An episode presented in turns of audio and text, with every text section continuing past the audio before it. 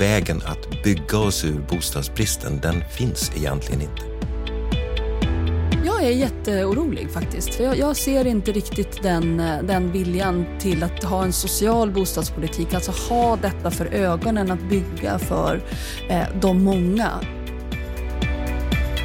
Varmt välkommen till det andra avsnittet av Bopolpodden denna soliga långfredag då vi idag ska fokusera på vad vi kan lära från vin. För under det senaste året så har vi i Sverige sneglat på vins bostadsmodell extra mycket. Vi har kunnat läsa rubriker som “Här får alla billig hyresrätt” och “En tvåa för 4 400 kronor, här är paradiset för hyresgäster”. Wien har också fått många utmärkelser som den stad där det är bäst att bo. Staden med högst livskvalitet. Om en stund ska du få möta Lisa Pelling och Staffan Schartner som ska berätta mer om vad vinmodellen innebär och hur vi i Sverige kan inspireras av den. Men alla är inte lika övertygade. Hör vår expertkommentator Linda Jonsson ge sin syn efter samtalet.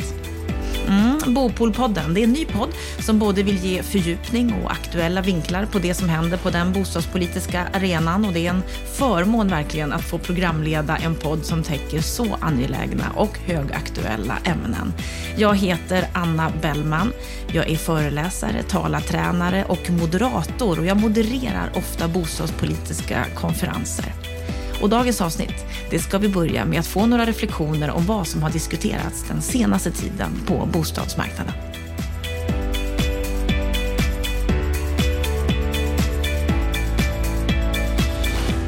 Två aktuella ämnen som alltid återkommer i bostadsdebatten och i media. Det är svaga hushålls ungas möjligheter att ta sig in på bostadsmarknaden och detta med bopriserna som ständigt diskuteras.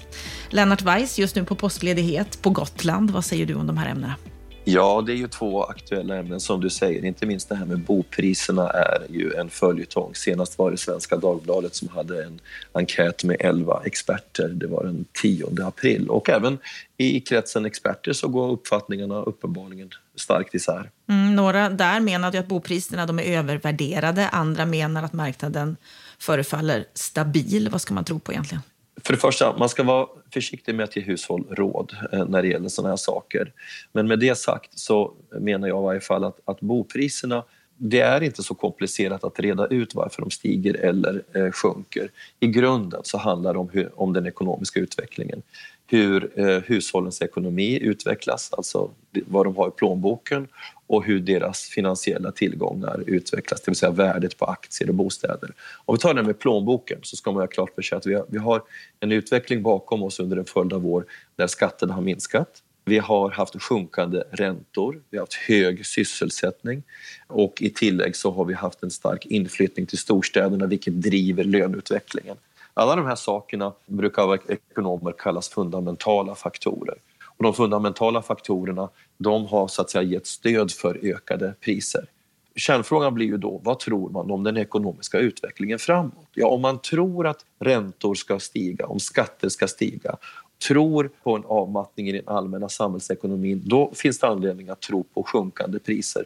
Men om man inte tror, om man inte ser en sån utveckling, och jag tillhör de som inte gör det, då har jag väldigt svårt att se varför bopriserna skulle falla. Speciellt har jag väldigt svårt att förstå hur en del bankekonomer ja, det är framförallt en eller två då, som menar att priserna skulle kunna falla 5-10 procent. Jag kan inte se något stöd för ett sånt antagande överhuvudtaget. Men om vi tittar på utvecklingen i Stockholm så har ju priserna sjunkit 10 Riktigt. Och, och, det är bra att du påpekar att det är Stockholm, därför att Stockholm är ett särfall. Stockholm är en marknad som har högre priser, högre skulder än andra marknader. Det beror helt enkelt på att det är en väldigt expansiv region där, där, inte minst lönerna är på en helt annan nivå. De kreditrestriktioner som har införts under framförallt de senaste två, tre åren, då pratar vi om, om, om amortering 1 som kom 2016 men eh, inte minst amortering 2 2018 hade en mekanism som man eh, ofta tappar bort i debatten. Det så kallade skuldkvotstaket som innebär att det kickar in ett extra amorteringskrav över 70% belåningsgrad slår ju speciellt i en region med höga lån och höga skulder. Gävle som har låga bokostnader eh, på andrahandsmarknaden påverkas inte av amorteringskravet, men det gör det i Stockholm. Och därför så var det plötsligt en massa hushåll, framförallt unga hushåll, som inte längre kunde ta sig in på bostadsmarknaden och då fick vi ett prisfall. Det är så kallad extern påverkan som fick stor betydelse. Och, och, då ska man naturligtvis titta på om det finns flera sådana åtgärder eh, i kikaren framåt. Så du menar att det inte är säkert att det kommer att fortsätta falla framöver? Ja, jag tror om det inte kommer ytterligare politiska åtgärder som till exempel försämrade ränteavdrag eller någonting, någonting sånt här, då, då, kan man hålla ögonen på den ekonomiska utvecklingen och där ser det bra ut. Så att om man bara tittar på den allmänna ekonomiska utvecklingen, de här grundvariablerna jag beskrev, då talar allting för att priserna kommer att hålla sig på en stabil nivå eller stiga till och med långsamt eh, i takt med eh, att hushållens ekonomi förbättras. Och då har vi ju ett område och eh, en del av bostadsköparna som har svårare att ta sig in på bostadsmarknaden. De unga, de svaga hushållen. Och då har vi en debattartikel under skärtorsdagen i Svenska Dagbladet från HSB, Anders Lag och Pernilla Bonde som menar att det är dags att sänka bolånetaket för unga. Ja, och det är väldigt bra att de påpekar just för unga. Därför att där öppnar de för ett tema som måste fram i debatten mera, nämligen förstagångsköparnas situation. Tittar man på eh, utöver andra länder i Europa så kan man konstatera att just gruppen förstagångsköpare möter olika typer av undantagslösningar. Sverige och Litauen är de enda två länderna i Europa som inte har ett annat regelverk för bolånetaket just för förstagångsköpare. Eh, det har alltså andra länder. Andra länder har också andra eh, villkor för amorteringar för förstagångsköpare. Det vill säga man medger eh, amorteringsfrihet de första åren och binder man sina lån så har man också möjligheter att få en annan kalkylränta när banken så att säga upprättar eller prövar din låneansökan. Det här är ett viktigt tema därför att eh, jag skulle säga att de som är inne i bostadsmarknaden redan de har inget större problem. De mår inte så dåligt av de här kreditrestriktionerna heller. Men just gruppen förstagångsköpare är det dags att vi diskuterar olika typer av speciallösningar för. Men det har vi, ju, vi har ju diskuterat olika lösningar och tittat på andra länder under några år nu och pratat om det här. Varför gör inte politikerna mer? Därför att eh, en effekt av debatten om hushållens skulder har blivit att man eh, uttrycker särskilt stor oro för de unga hushållens skuldsättning. Och det är klart att ett ungt hushåll som sätter bo får ju naturligtvis eh, tvingas ju ta ett lån och, och får per automatik en högre belåningsgrad. Men första frågan är ju, innebär det en makrorisk? Nej, det är så pass små hushåll jämfört med hela stocken att de skulle utgöra så att säga, en risk för hela samhällsekonomin. Det är jag väldigt svårt att förstå. Utan jag skulle tvärtom säga att det är helt naturligt att unga hushåll har höga lån när de kliver in på bostadsmarknaden det är vid unga år som du ska ta, ta ett bolån och investera i din bostad därför att det ger dig lägre boendekostnader jämfört med att hyra en bostad. Skulle vi kunna se någon förändring på det här området från det politiska hållet? Jag tror att det sakteliga är på väg en omsvängning. Jag märker framförallt när det gäller de borgerliga partierna så finns det en ökad skepsis mot de senaste årens kreditrestriktioner och eh, en ökad insikt om att eh, det behövs speciallösningar för unga och jag tror att det kommer att utöva påverkan också på de två regeringspartierna. Mm, vi får se om du har rätt i det. Stort tack, Lennart Weiss. Tack ska du ha.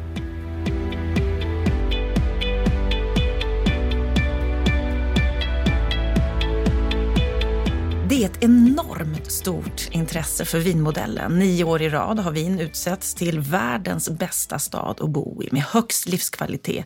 Kanske inte bara på grund av bostadssituationen, men nog har korta bostadsköer och att nästan alla har möjlighet att få en billigare hyresrätt stor betydelse. Med oss här i studion så har vi Lisa Pelling, statsvetare, utredningschef på tankesmedjan Arena Idé som har studerat vinmodellen och som har presenterat sina slutsatser i rapporten Vinmodellen inspiration till en ny social bostadspolitik som har fått ett enormt stort intresse. När ni presenterade den på seminariet så var det otroligt många på kö som inte fick vara med. Så var det. Det var väldigt roligt faktiskt. Och det känns ju verkligen att det finns ett sug efter alternativ i bostadspolitiken. Och om vin kan inspirera till några delar, ge några byggstenar så skulle jag vara väldigt glad. Sen är det aldrig möjligt att ta en modell helt och hållet, ett till ett och applicera på ett annat land. Varje land har sin kontext, sin historia.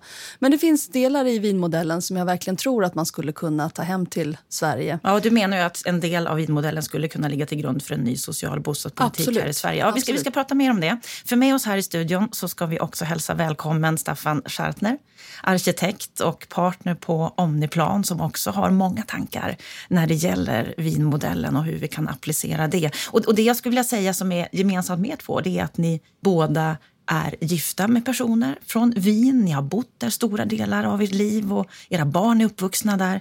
Vad är det som är så fantastiskt med Wien, Staffan? Ja, det är en bra fråga. Men det är ju en riktig stad och det gör en väldigt stor skillnad mot de eh, platser som till exempel Stockholm som har vuxit fram under modernismen efter första världskriget. Och jag tror att det är en skillnad mellan Stockholm och Wien som annars är väldigt jämförbara, som är väsentlig när man diskuterar bostadspolitik. Ja, för du menar att Stockholm och Wien, de går verkligen att jämföra. På vilket sätt? Ja, båda städerna är ungefär lika stora. De är huvudstäder i länder som är lika stora, ligger lite perifert längst ut i, i, i öster. Man har haft en väldigt lång period av socialdemokratisk eh, dominans. Man har ungefär samma vad heter det, nettoinkomst, man tjänar ungefär lika mycket pengar. Men samtidigt så är skillnaderna enormt stora i, historiskt och i strukturen i staden. Och om man då ska titta på just själva vinmodellen, vad mm. är det? Om man ska beskriva den ja, lite precis. kort. Vad är det som jag tycker är så inspirerande? Jo, men en, en sak som är viktig och som ju är en viktig förklaring till varför Wien röstas fram som den mest attraktiva staden att leva i. Det här är omröstningar som sker.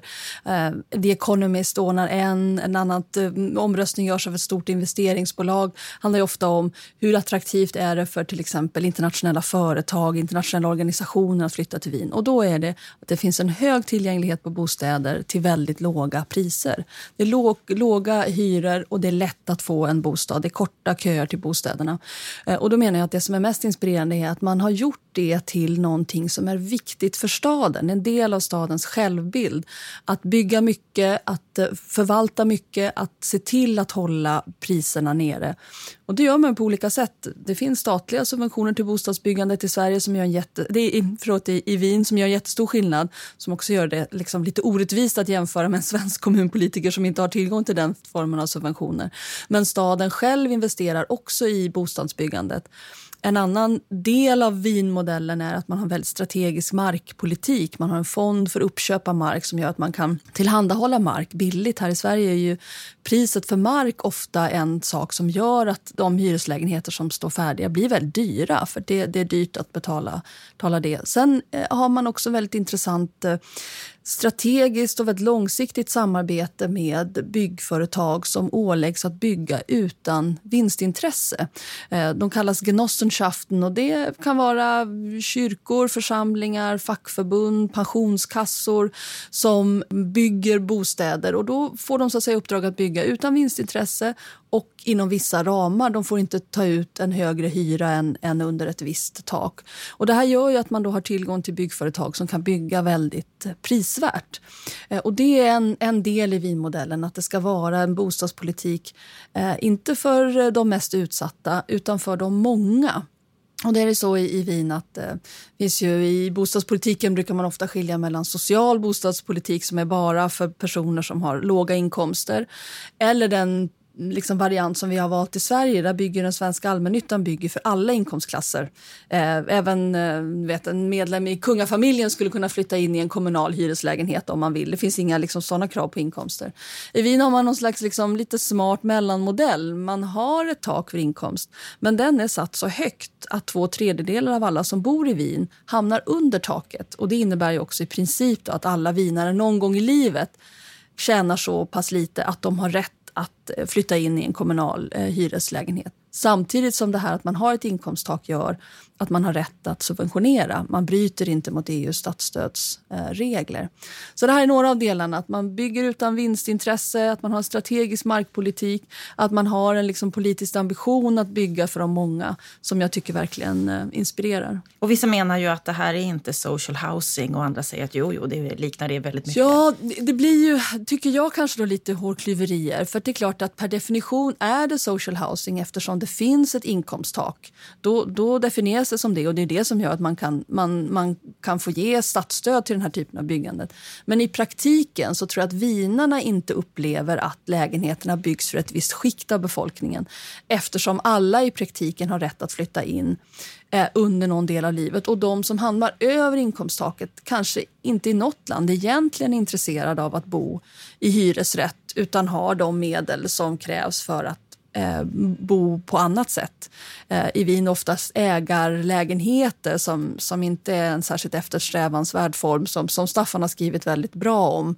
Konsekvenserna av när liksom folk hyr en varsin del av ett hus och det är svårt liksom att få till stånd investeringar i hiss eller stamrenovering eller som verkligen inte inspirerar. Om vi ska bara börja, alltså, för jag är lite nyfiken på vad är det som gör att vi just nu det sista året har satt ett sånt enormt fokus på just vinmodellen här i Sverige? Så jag skulle säga att vi har ju en enorm bostadsbrist. Vi har haft väldigt hög inflyttning och hög befolkningsökning och ett lågt bostadsbyggande.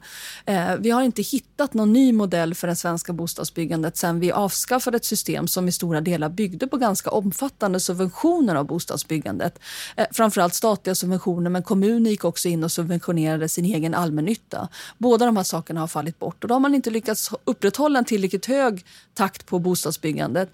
Samtidigt så inser man att, att man kan inte låta hushållen kanske finansiera byggandet för hushållen eh, fixar inte det. Vi får massa varningssignaler internationellt ifrån Internationella valutafonden, OECD säger att den svenska hushållen är alltför skuldsatta. Så det är orimligt att tänka sig att, att hushållen med liksom sin köpkraft ska antingen köpa tillräckligt många bostadsrätter eller kunna betala tillräckligt höga hyror för att själva finansiera bostadsbyggandet.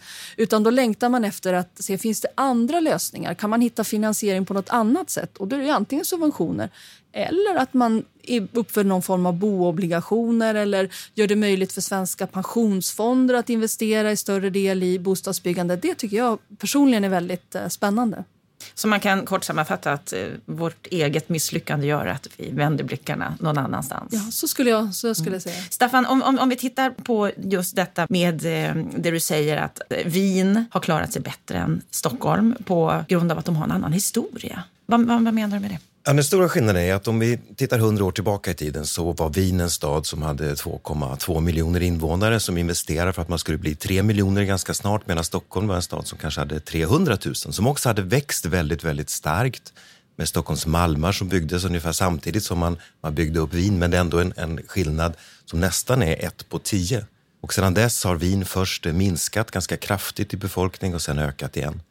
Men det är klart att, att eh, vid tiden före första världskriget så hade man ju eh, en bostadsmisär på båda ställena. Det hade visserligen byggts i Wiens utkanter ganska mycket såna här eh, ja, typ arbetarförläggningar med verkligen eh, substandardlägenheter. Eh, men väldigt många hyrde under några timmar per dygn en, en, en soffa eller man bodde på ungkarlshotell som Hitler gjorde när han bodde i Wien till exempel. Så att när Socialdemokraterna tog makten i Wien 1919 direkt efter första världskriget så satte man igång en, en radikal politik för att ge goda bostäder till, till arbetarna. Och eh, det är ju väldigt mycket av den, den, politiken som startades då som har levt med i Wien och då var det ju staden själv som lät bygga bostäder som var väldigt eh, förutseende. Men det fanns ju också redan då någonting som de kallas för Genossenschaft som ju finns fortfarande, som man eh, plockar upp även i Sverige. Eh, hyresgästerna i Sverige startade en, en organisation som heter HSB som eh, satte igång och bildade grupper av människor som då var med och byggde sina egna hus med ungefär samma standard som man hade i Wien.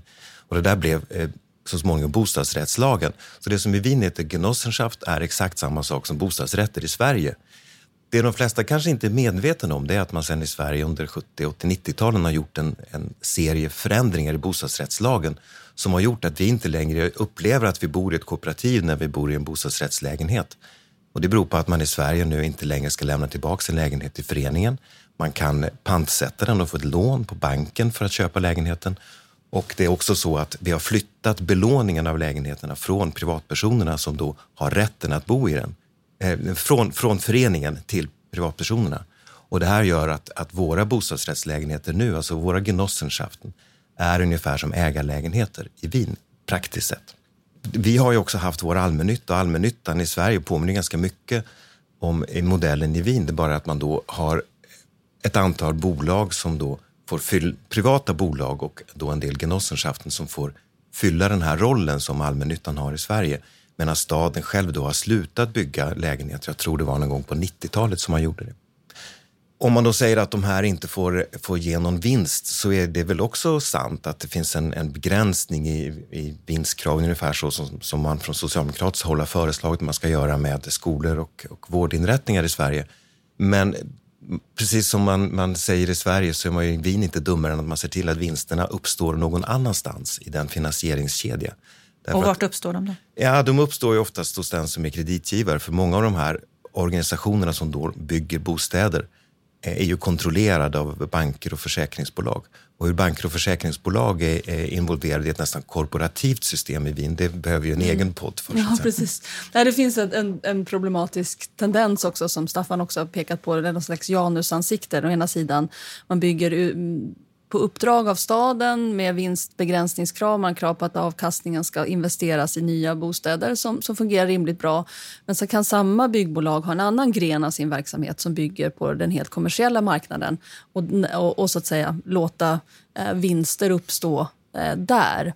Eh, så, att, så att det är liksom inte mm, ett system heller som jag tror man skulle importera ett till ett. Men det saknas den typen av aktörer och jag tycker att det saknas att kommuner pekar ut det här är någonting vettigt att, så att säga, ge uppdrag till bolag som inte gör detta för att maximera en kortsiktig vinst utan bolag som är här liksom för att stanna och som bygger för att avkastningen också ska kunna investeras i nya, i nya bostäder. Att eh, mer av den tror jag skulle vara, skulle vara bra i, i Sverige.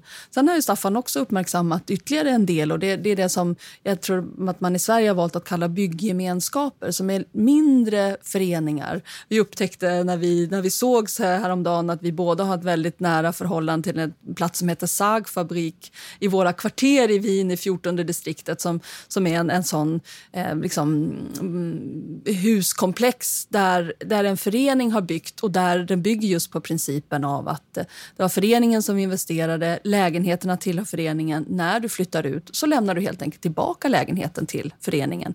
Ingen kan liksom göra vinst på den och de eventuella vinster som uppstår av att folk vill bo där, de, de stannar i, i föreningen. Det här tycker jag också att, att svenska kommuner skulle kunna uppmuntra den typen av eh, byggande. Mm, och du Staffan, du är ordförande för föreningen för bygggemenskaper ja, precis. i Sverige. För att det man kan säga, men om Lisa efterlyser att vi skulle ha någonting som kallas för gemeinnützige Wohnbauträger på tyska, så den exakta översättningen av det blir ju allmännyttiga bostadsföretag. Och det har vi ju i Sverige, det är bara det att de är kommunalt ägda i Sverige och inte privat ägda eller, eller kooperativ som de är i Wien.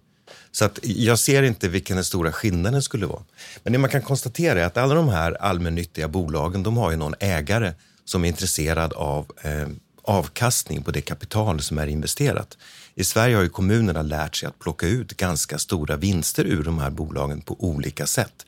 Man gör det dels genom att tvinga dem att ha en, en belåning eh, direkt i kommunen som man får betala mycket för, mycket högre än på den öppna marknaden. Och man tar också hem vinsterna direkt. I Wien så ser det också tror jag, de, de eh, räntor som de här bolagen betalar på, på sin finansiering som är där vinsterna uppstår. Och därför är det intressant som Lisa nämner att om man då har kooperativ på det sättet som man hade när hela det här startades med Genossenschaften och bostadsrätter, där det är de människor som ska använda huset som i någon mån använder sina egna pengar, i någon mån lånar pengar för att bygga det de själva är intresserade av. Ja, det är det enda säkra sättet att plocka bort vinstintresset i, i kapitalförsörjningen i byggandet. För att av alla de här kostnader som finns för att bygga hus som det går att göra någonting åt så är vinsten och riskmarginalen, marknadsriskmarginalen i byggandet, det som är den lägst hängande frukten, det är den som man lättast plockar undan. Så genom att eh, ta bort vinstmarginalerna från kalkylerna så skulle vi kunna komma ner i en helt annan prisnivå som människor skulle ha råd att bo. Ja, där det här finns, det är framförallt stort i Tyskland där man det är lite speciellt i Wien därför att där har man det här eh, subventionerade finansieringssystemet som gör att man inte tjänar så mycket pengar på att driva ett kooperativ i Wien. Det gör man däremot i, i Tyskland om man skulle göra det i Sverige och i München som, som har också en väldigt eh, ambitiös social bostadspolitik. Där räknar man med att ungefär 40 procent lägre boendekostnader i de kooperativ som bygger själva. Skulle det, hur skulle det se ut i Sverige? Ja, det är olika olika städer, men eh, vi håller på med ett projekt i Uppsala just nu och där eh, räknar vi med någonstans mellan 15 och 20 procent. Om man nu inte bygger bättre, vilket man förmodligen kommer att vilja göra än vad man skulle få i en Om man tittar på, här, på den här lösningen med det kooperativa, hur stor del av vår marknad skulle vi kunna föra över till den lösningen? Alltså, de, de städer i Tyskland som har störst andel har ungefär två tredjedelar där de som ska använda husen själva är de som bygger, alltså bygggemenskaper. Skulle det vara rimligt i Sverige? Ja, det kanske inte är det överallt, men det är klart att man skulle kunna gå någonstans från Hamburgs 20 procent till Tübingens 60-70 procent. Mm. Även det här är ju otroligt inspirerande, men det som krävs också i Sverige skulle ju vara att man bestämmer sig för att man vill föra en social bostadspolitik. Att det här är liksom ett samhälleligt intresse att stödja detta, att vara med att finansiera detta, att bidra med den lagstiftning som krävs och de förutsättningar som krävs. Det är otroligt spännande i, att man gör det i Uppsala för jag tror att där kommer man kanske att stöta på hinder och, och, och komma fram till hur de skulle behöva lösas och sen kan de här hindren kanske inte, behöver de här hindren inte uppstå i andra kommuner. Men en viktig poäng här, nu, nu vänder byggandet neråt. För det, det, vi närmar oss en lågkonjunktur, hushållen är ännu mer pressade. När räntorna går upp så kommer folk liksom behöva lämna sina lägenheter. En hel del byggbolag kanske liksom kommer att drabbas ganska hårt av det. Ingen kommer vara särskilt sugen på att investera i stora projekt då måste liksom det allmänna gå in eh, och trygga att man fortsätter att bygga under lågkonjunkturen. Det är en stor poäng med det också att eh, priserna på, inte så mycket på mark tror jag inte påverkas, men priserna på arbetskraft och priserna på material kommer att påverka av att eh, eh, efterfrågan i resten av ekonomin sjunker under en lågkonjunktur. Det är ett guldläge att bygga, men finns inte finansieringen och då kommer liksom byggandet att dyka lika mycket som lågkonjunkturen och kanske till och med förvärra eh, lågkonjunkturen. Och här har vi en stor skillnad ja, mellan, mellan nu, Sverige vi står liksom och, och på, Vi står liksom på toppen. Va? Vi har gått över den här alptoppen. Vi tittar ner i dalen nu. Så nu kan, måste vi bestämma oss för liksom, hur, hur djup ska den här eh, bli när det gäller bostadsbyggandet. Och i Wien där fortsätter man att bygga, trots lågkonjunktur? Ja, eh, eh det, det, är, är liksom, eh, för att man har de här långsiktiga avtalen med de här bolagen som är, är ganska oberoende liksom av, av konjunkturen och en hög politisk ambition. Det skulle man också önska av fler svenska liksom, kommunalråd att man sa liksom, rösta på mig för detta. Jag har en ambition att jag ska bygga bort bostadsbristen här i Uppsala, här i Örebro, här i Karlskrona och blir liksom bedömda efter det också. Så är det på väg att bli nu, eh, men, men man skulle önska mer av, eh, av det. Om vi bara ska titta lite, lite kort på några jämförelsesiffror, för det finns ju ganska många sådana, så är det stora skillnad mellan, mellan Wien och mellan, mellan Sverige. En nybyggd kommunal lägenhet på 70 kvadrat har i Wien en kallhyra på 5 och 4 medan samma storlek på lägenhet i Stockholm har en hyra på 12 000. Det är låga hyror och samtidigt är det en väldigt hög tillgänglighet. Mm. Det är korta köer. Där är det ett par månaders kötid. Medan om vi tittar på 31 december 2018 så var det 630 000 personer i bostadskö i Stockholm. Och bara under 2018 så ökade det med 40 000 personer i den här kön. Och den genomsnittliga kötiden för lägenheter som fördelades via Stockholms bostadsförmedling under förra året, 2018, var drygt 11,6 år. Men det går ju aldrig att bygga bort en bostadsbrist så länge man inte har marknadspriser på eh, sina bostäder. Därför att om det är så att man subventionerar på något sätt eller har ett regelverk som gör att vissa bostäder blir billigare än de skulle vara eh, om någon annan hade möjlighet att hyra eller köpa den, så kommer det att finnas ett, en efterfrågan på den typen av bostäder. Så att vårt huvudproblem att vi har en bostadsbrist i Sverige, det beror på att vi har fått bostadsmarknaden att inte fungera. Skälet, huvudskälet att man inte har en bostadsbrist i Wien är att man haft gott om billiga lägenheter som man inte har kunnat ta betalt för fram till nu. Om hyresgäster har en stark position i Sverige så har de en ännu mycket starkare position i Wien. Det har varit en bedrövlig situation att vara fastighetsägare. Man har inte kunnat höja hyrorna, man har inte kunnat få ett okej okay på att renovera, man har inte kunnat lägga undan pengar för att kunna betala renoveringar. Så att, att mycket av de här gamla fina husen har varit i en bedrövlig standard. Och det är hyresgästerna själva som installerar eh, ett värmesystem, som installerar, som byter ut elledningarna och som tar betalt av nästa hyresgäst för att de ska få ta över elledningarna. Och det låter ju inte som någon drömsituation. Nej, och det är klart att har man en situation där det inte går att ta betalt för nya lägenheter, ja då blir den marken som man bygger de nya lägenheterna på eh, inte heller särskilt värdefull. Och, det, och väldigt mycket av skillnaderna i priserna mellan Wien och Sverige ligger ju i markvärdet. Eftersom vi har en väldig brist på byggbar mark, eftersom kommunerna inte detaljplanerar i tillräcklig utsträckning, så driver vi upp alla våra priser. Och det påverkar eh, vinstmarginaler eftersom man då måste, ta, ta, man måste ha mer utrymme för att det händer någonting på marknaden när man måste betala så mycket för marken. Och det påverkar byggkostnader så att det påverkar hela den här kedjan. Och sen ska man ju ha klart för sig att det som ingår i en hyra i Wien är något helt annat än det som ingår i en hyra i Sverige. Så att de här, de här jämförelserna är inte riktigt det, korrekta. Det.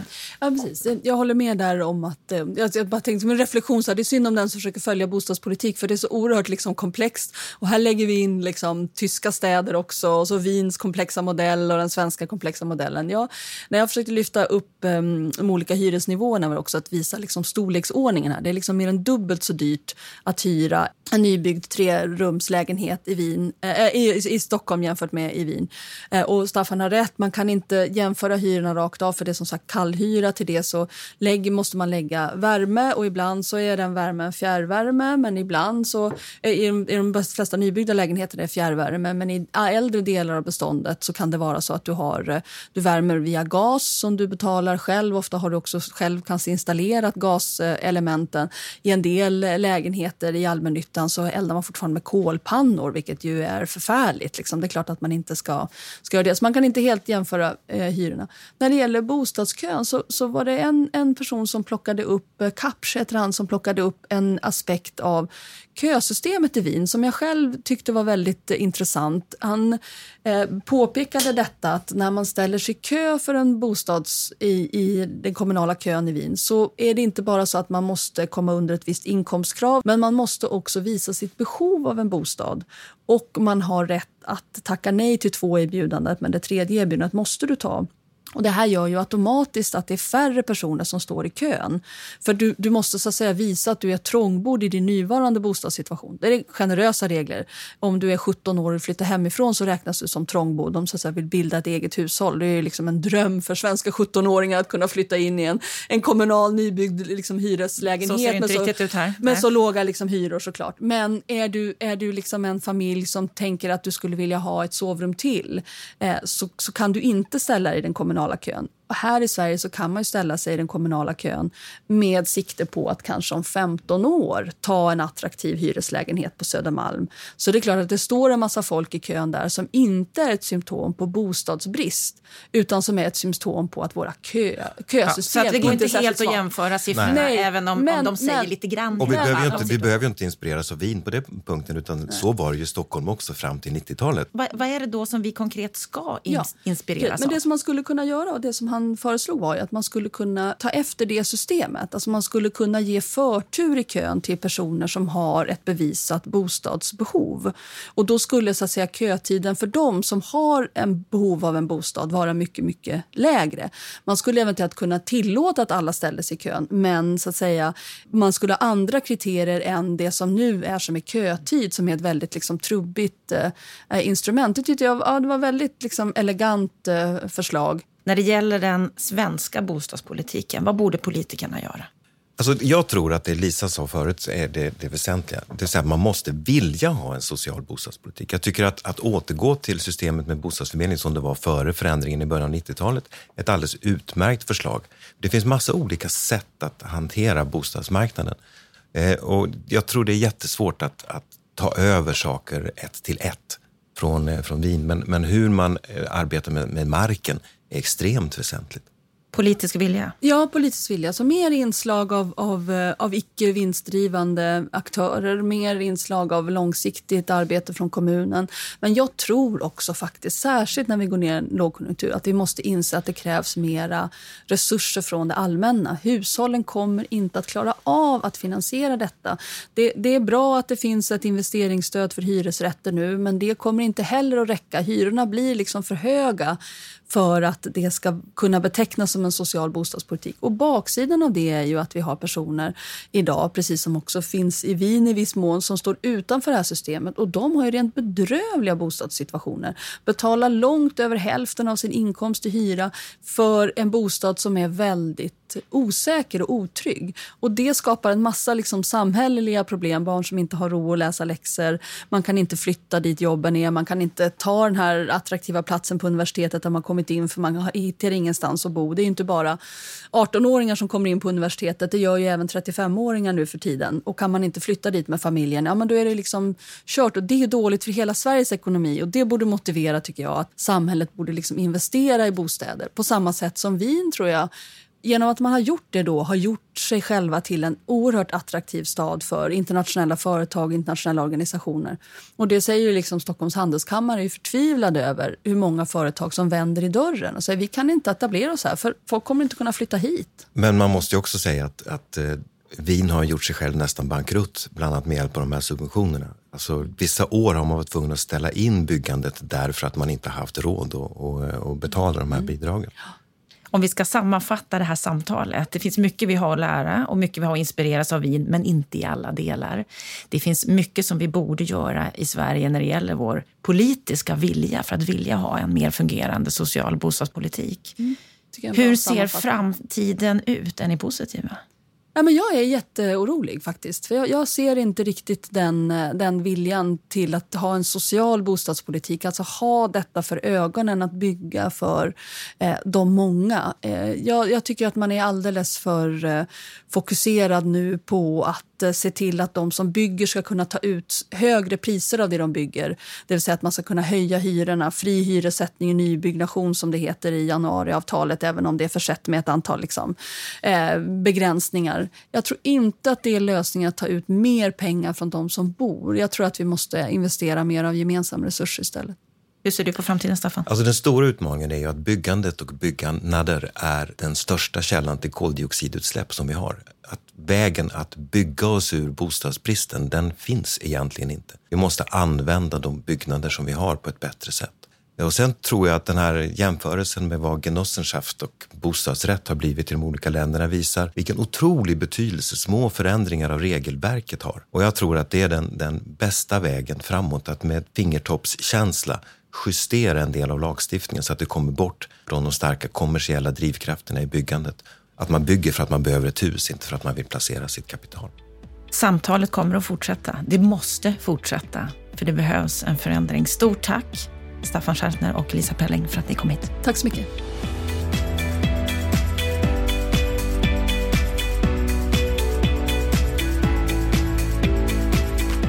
Ja, vad kan vi egentligen lära av vinmodellen? Nu ska vi få träffa en ny expertkommentator här på Bopolpodden, Linda Jonsson, som är analytiker på Veidekke och nyligen har släppt rapporten Från folkhem till drömhem, tid för en liberal bostadsidé.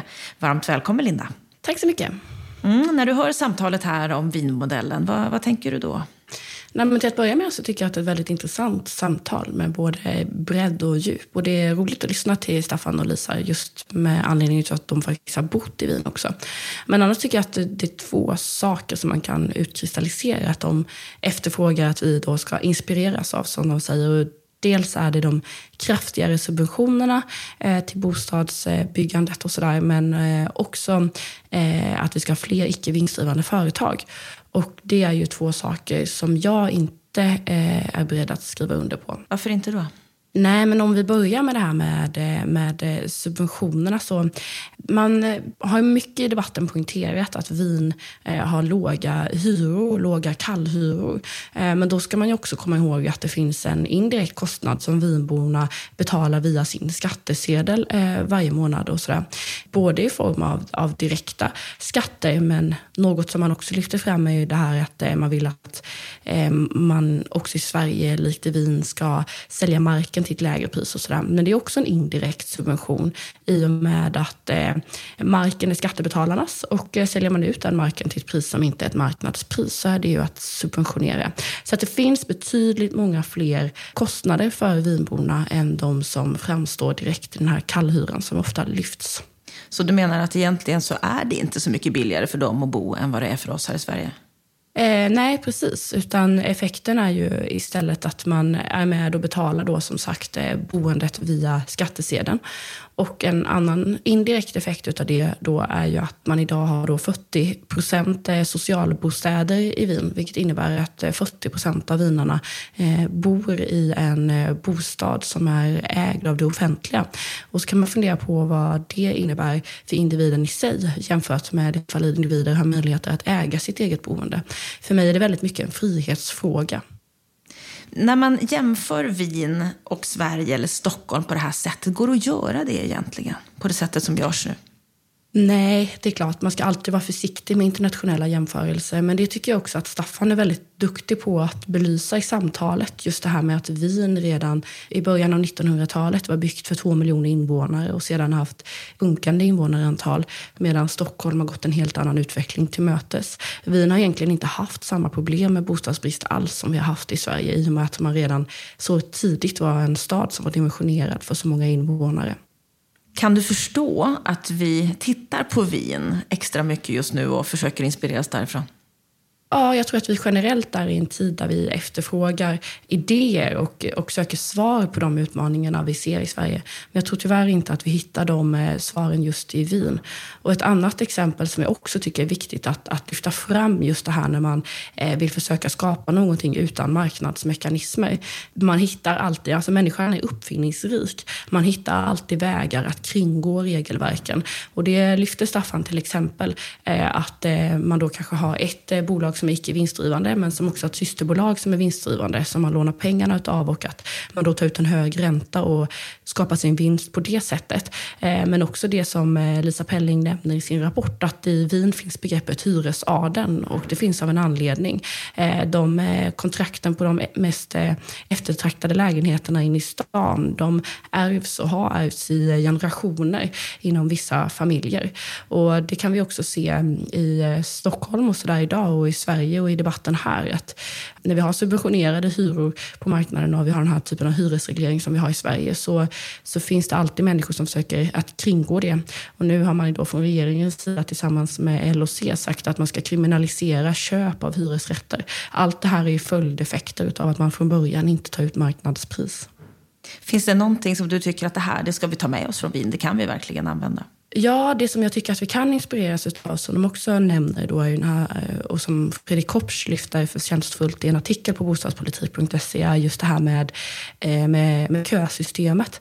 Jag tycker att det vore eftersträvansvärt att vi också i Sverige och till de kommunala bostäderna har ett kösystem som bygger på att du faktiskt ska ha ett bostadsbehov för att prioriteras. Bra. Tack för detta, Linda Jonsson. Tack.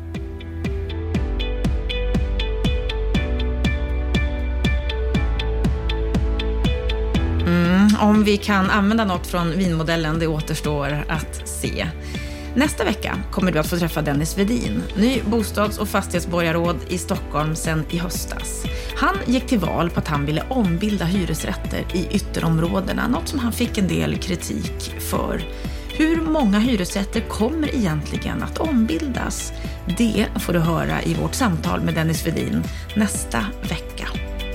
Har du synpunkter på programmet så får du jättegärna kontakta oss på podd bostadspolitik.se och fortsätt självklart att följa debatten på bostadspolitik.se. Med det så önskar jag dig en riktigt skön och glad påsk.